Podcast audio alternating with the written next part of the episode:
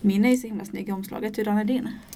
Kanske inte så rolig. Nej. Men titeln väcker ju någonting. Karl Marx i New York, eller hur? Ja. Alltså det, det är så kontra på något Precis. sätt som man blir nyfiken. speciellt om man är lite Karl Marx-intresserad tänker jag, mm, vad Ja. gör han i New York? Ja precis, precis. Ska Ja, jag börja eller? Ja men det kan du göra, då kör vi.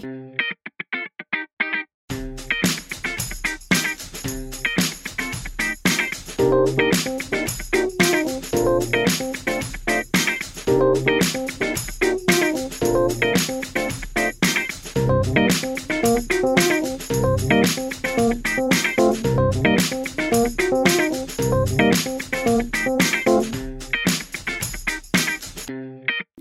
är en vuxenbok som är skriven av Dekius Lack. Jag vet, känner du till honom? Nej. Nej, inte jag heller. Det här är inte hans första bok, det vet jag i alla fall. Boken heter alltså Karl Marx i New York. Och den är, väldigt, den är lågmäld och väldigt rolig. Det är, man kan säga nästan att som det är någon slags förlängning av Karl-Bertils julafton, du vet Tage Danielssons Okej. gamla bok och film. Mm. Eh, och den här handlar om en, om en man, en ung man som heter just Karl Marx som kommer till New York som fattig ung svensk. Eh, och han har inget jobb och han går runt där i New York och vet inte riktigt vad han ska göra. Han har en vän, en annan svensk vän som heter Adam så han får bo i ett fallfärdigt hus hos den här Adam. Och Adam måste åka hem till Sverige för att ta hand om sin mamma så han får liksom låna hans lägenhet, hans superskruttiga lägenhet. På en av hans första promenader så ser han att det är någon uppståndelse nere vid vattnet. Och då är det en ung tjej som heter Lisa som också kommer från Sverige som simmar ut för att rädda en ung kille, en, en pojke som håller på att drunkna. Och i Karl Marx ögon så är ju detta en hjälte liksom av höga mått. Så att han, när hon kommer upp med den här pojken på stranden, han blir liksom stört förälskad i henne. Lisa däremot är från en helt annan samhällsklass än Karl Marx. Hon är på toppen. Och att hon ens en gång har kastat sig ut i vattnet för att rädda den här pojken, det går emot liksom allt vad hennes krisberedskapstänkande hela tiden säger hennes hjärna. För hon gör ingenting som inte är planerat. När hon rör sig i New York så rör hon sig alltid på samma gator, hon har sina livvakter med sig, hon Oj. äter bara på vissa restauranger, då har hon typ med sig sina egna bestick. Du, du vet, allting är sådär väldigt noga kalkylerat. Men den här Marx liksom, den liksom knäcker någonting i hennes huvud också. Eh, Så hon följer faktiskt till och med med honom hem och ser den här skruttiga lägenheten och hela hennes kropp och hjärna skriker till henne, ta dig härifrån, det här är inte din grej. Men ändå så kan hon inte låta bli. Eh, Men till slut kommer hon därifrån och då ägnar Marx flera veckor till att leta efter vem är det här tjejen?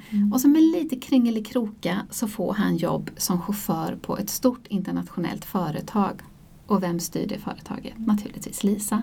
På företaget går hon dock inte med varken för eller efternamn utan hon kallas bara för hon.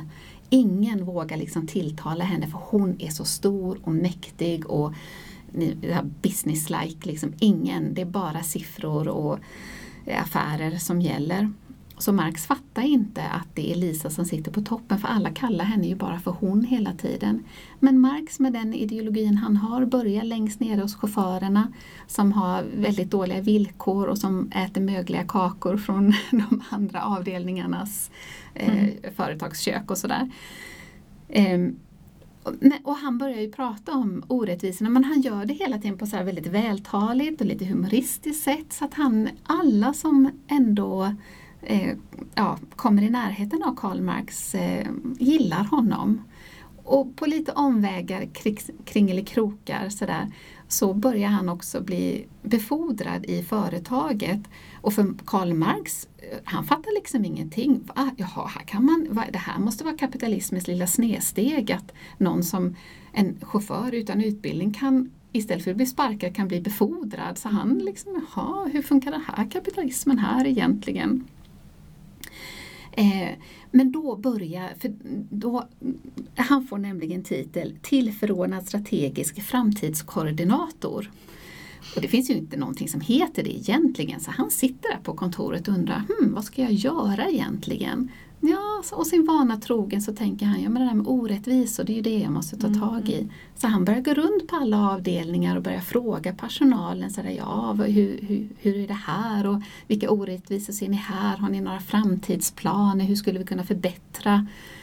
Ehm, och, och då när det här kommer till kännedom, då börjar ju hela företaget att vibba eh, av, eh, skaka lite av nervositet. Och Lisa känner ju det här också och hon liksom säger till sig själv, nu måste hon ta tag i det här. Men varje gång hon träffar Karl Marx så är det precis som att hennes hjärna säger och gör någonting som hon inte vill och hennes steg för henne till platser där hon inte vill. Men det går liksom inte att motstå. Och när det kommer loss att Karl Marx också har blivit bjuden hem till Lisas föräldrar. Det är, liksom, det är helt otänkbart i, den här, i det här företaget att ens, det är knappt någon som har sett de här föräldrarna ens en gång. Och en gammal chaufför eh, påminner sig om att jo men vänta körde inte jag hennes kusin en gång för tre år sedan när de, du- vet sådär att det är bara, Mm. ja de är liksom här uppe. Och Lisa tycker ändå att det här är lite bra för hon vet ju då att hon kan inte motstå Karl Marx men då tänker hon, hennes mamma, här har vi, hon kommer ju direkt Såga honom. såga honom med fotknölarna. Tänker, åh vad skönt, då slipper jag ta beslutet. Och så när det kommer till kvällen och de kommer in, då visar det sig att Lisas mamma har en ungefär, jag, ska inte, jag känner att jag berättar hela men man blir lite tagen av, för det är en Ja. rolig historia. Men Lisas mamma har en liknande kärlekshistoria som Lisa har nu med Karl Marx när hon var Ja, ung svenska okej. i Sverige. Och till och med med Marx, Karl Marx pappa. Aha. Så att hon ser ju direkt likheten där och liksom drar sig, eh, ja, kommer ihåg sin ungdom. Och det var samma sak där att då var det hennes föräldrar som skickade då Karl Marx pappa eh, Nej, nej, de skickade bort henne. När de fattade att här Ja, fanns en kärlekshistoria Mm. så skickade de henne på en internatskola i Schweiz. Så hon har ju varit med om samma historia och hon faller igen då för Karl Okej. Marx. Och då är det bara pappan kvar. Då är det hans tur nu att gå in med hårdhandskarna och det kan man definitivt, definitivt säga att han gör. Okej. Så Men det är egentligen en kärlekshistoria.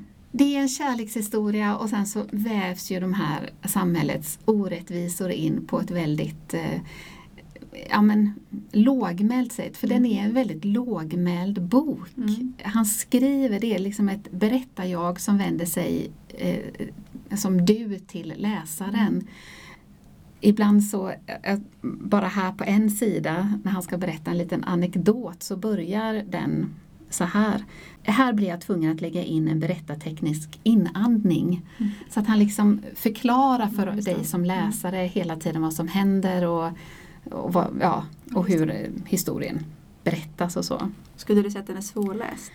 Nej, den är inte svårläst. Men det är klart, vet man någonting om Karl Marx och liksom historien och ja, med sociala orättvisor Mm. och, och, så, så har man ju en större behållning av boken. Men Just det. så mycket tror jag att de flesta vet, i alla Mm. fall från gymnasiet och uppåt, så att alla kan liksom läsa den med den, med den här humoristiska touchen som Det är inte har. så att man kan läsa den som en ingång till Karl Marx. Kan man det? Nej, jag tror faktiskt att man måste ha sin historia lite, lite klart i bakhuvudet för att den ska liksom verkligen bli bra. Men lite förkunskaper kanske krävs då för att verkligen Lite Det så. låter som en lite speciell bok men som de kan eh, dra på lite smilgropar och Ja, och man kanske kan läsa den bara som en kärlekshistoria. Har man ingen aning om vem Karl Marx är så kanske man tänker ja, ja det är ett namn Mm. som vilken som och så Ja, kommer man in i boken. Men just berättarsättet är också väldigt eh, Ja men nästan lite som en saga kan man ju säga. Mm. Så den, det tror jag tilltalar många. Just det. Mm. Jag har med mig en bok som jag egentligen, den är ett par år gammal nu och jag ville läsa den mycket på grund av omslaget för jag tycker omslaget är så snyggt. Och den heter Förvildade och är skriven av en eh, författarinna som heter Rory Power. Eh, och jag gillade verkligen konceptet i den här boken, eller jag tilltalades väldigt mycket av hur, med själva idén bakom den. Och handlingen är här att vi befinner oss på en ö utanför Maine Eh, på eh, USAs östkust då. Eh, och där finns en typ av internatskola för flickor som heter Raxter School for Girls och hela ön tror jag heter Raxter. Ehm, och där går då huvudpersonen som heter Hetty. Och man förstår när boken har börjat att det har eh, utbrutit ett virus, en sjukdom på den här ön som gör att allting är ställt på ända.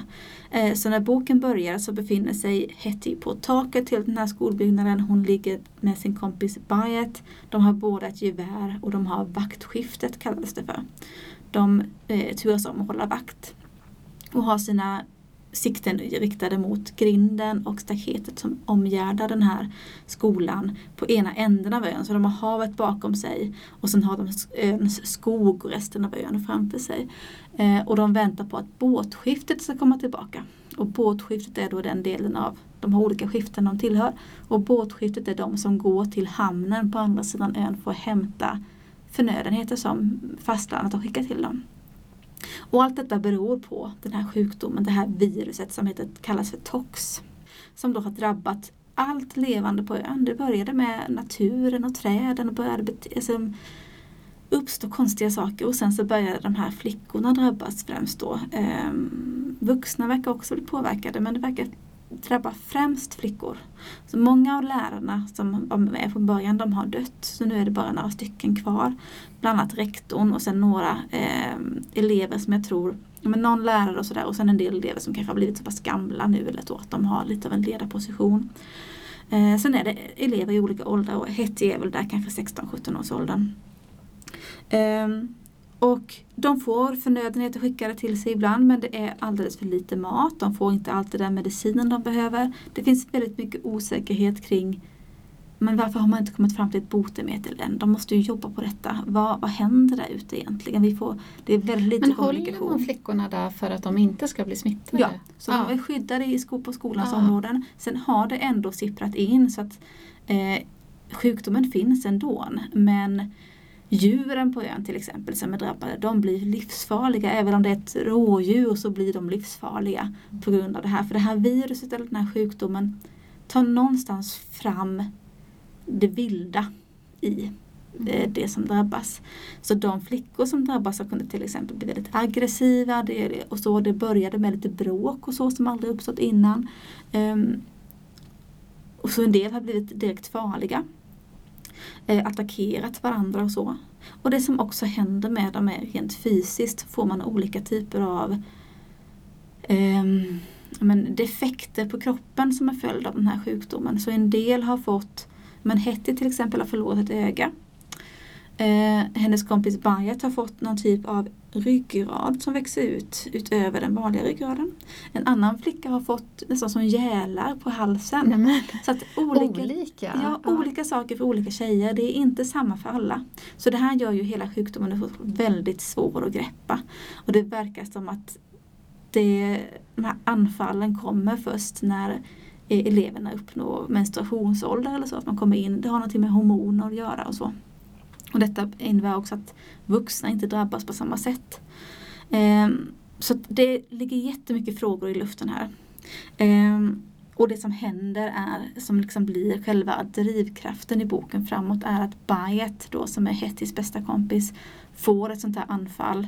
Eh, vilket man får med en mellanrum tydligen. Eh, och hon blir så sjuk så de för henne till sjukstugan dit ingen får gå.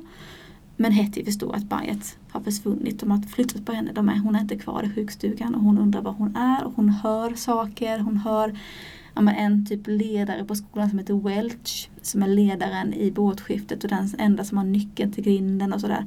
Hon, ja det är någonting konstigt med henne. Vad döljer hon och så vidare.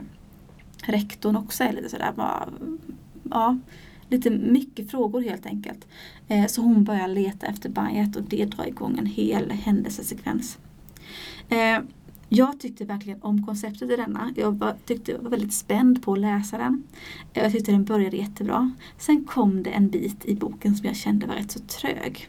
Och jag tror kanske att det delvis kan ha att göra med att hon här, den här författaren Power, hon skriver på ett sånt sätt att man får liksom ingen bakgrund som ett eget, en egen del av boken utan det är bara inflikat i berättelsen. Från det att Hetty sitter där på, på hustaket med sitt gevär så får man bara tillbakablickar och liksom små sidospår som förklarar vad det är som har hänt och så.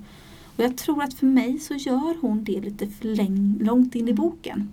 Det det liksom fortsätter så långt in, de här sidospåren, de här tillbakablickarna, så det nästan stör. Det kommer liksom in på fel ställen och det kanske får ta för lite mycket utrymme helt enkelt. För mig så är det någonting som gör att den blir lite seg. Men sen kommer den igång igen så man får liksom tampa sig igenom det där lite. Och jag tänker mig att kanske inte alla gör det utan att en del kommer kanske ge upp på den där. Och det tänker jag är lite synd ändå.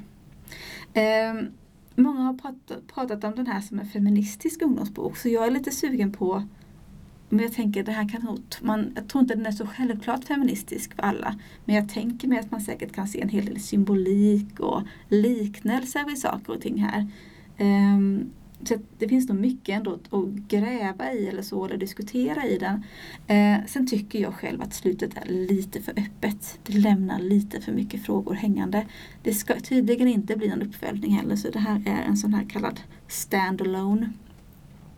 Eh, men jag tycker ändå att den är spännande. Den, jag tycker den, den verkar har, väldigt ja, obehaglig. Den är det och den är ja. väldigt detaljerad i fysiska beskrivningar mm. och det är många som dör i boken så den är verkligen håller inte inne på sånt. Eh, liksom det kan vara hjärtan som slits ur kroppen och det kan vara maskar som rivs ut ur armar. Och så. så det kan vara väldigt detaljerade så, vad som händer. Eh, och det är verkligen inte en sån här bok som, in, som inte vågar döda Nej, karaktärer nej. om man säger så. För det dör folk lite hit och dit. Får man liksom reda på hur resten av världen, eller den är mest lagd till den här skolan? På den är egentligen bara lagd till den här skolan. Mm man, det är väl en av de sakerna som jag tycker att man kanske hade velat ha lite mer information om. Eller lite fler luckor som skulle fyllas i vad gäller just omvärldens eh, ja, hur, det, hur ser det här ut utanför ön? Eh, men samtidigt så vet ju inte, det är ett jag-perspektiv. Eh, så Hetty vet ju inte detta. Eh, vi får också vissa kapitel från Bayets perspektiv när hon har försvunnit vilket också ger mer information om vad man skulle kunna få via bara Hetty. Um, men jag tycker att den är bra. Sen tycker jag att den hade tjänat på lite mer mm, ja, lite mer information kanske eller material till Lite dem. kortare mm. kanske, att den skulle skurits lite i vissa... Ja, på sätt och vis skurits lite och på andra sätt ja, kanske getts lite mer. Lite. Ja, mm. precis. Fått mm. lite mer kött på benen helt enkelt. Vilka Så. tänker du skulle... Jo men jag tänker att en, en eh, jag tycker den funkar för de flesta ungdomar ändå. Mm. Eh, sen som sagt ett tag där kände jag att den var lite motig så då kanske man måste ändå känna att jag bara tar mig igenom de här kapitlen nu för sen kommer det igång. Mm. Eh, så på så vis kanske det kräver en liten van läsares samvete där att man kanske ibland måste kämpa igenom, känna, kämpa igenom några sidor för att komma till det götta. Så att ja. säga. Eh, men jag tycker ändå att den var läsvärd men jag kanske kände att jag hade, jag hade kunnat bli mer med den. Ja. Så tycker jag. Mm. Mm. Men det ska bli kul att se vad hon kommer med härnäst. Rory Power.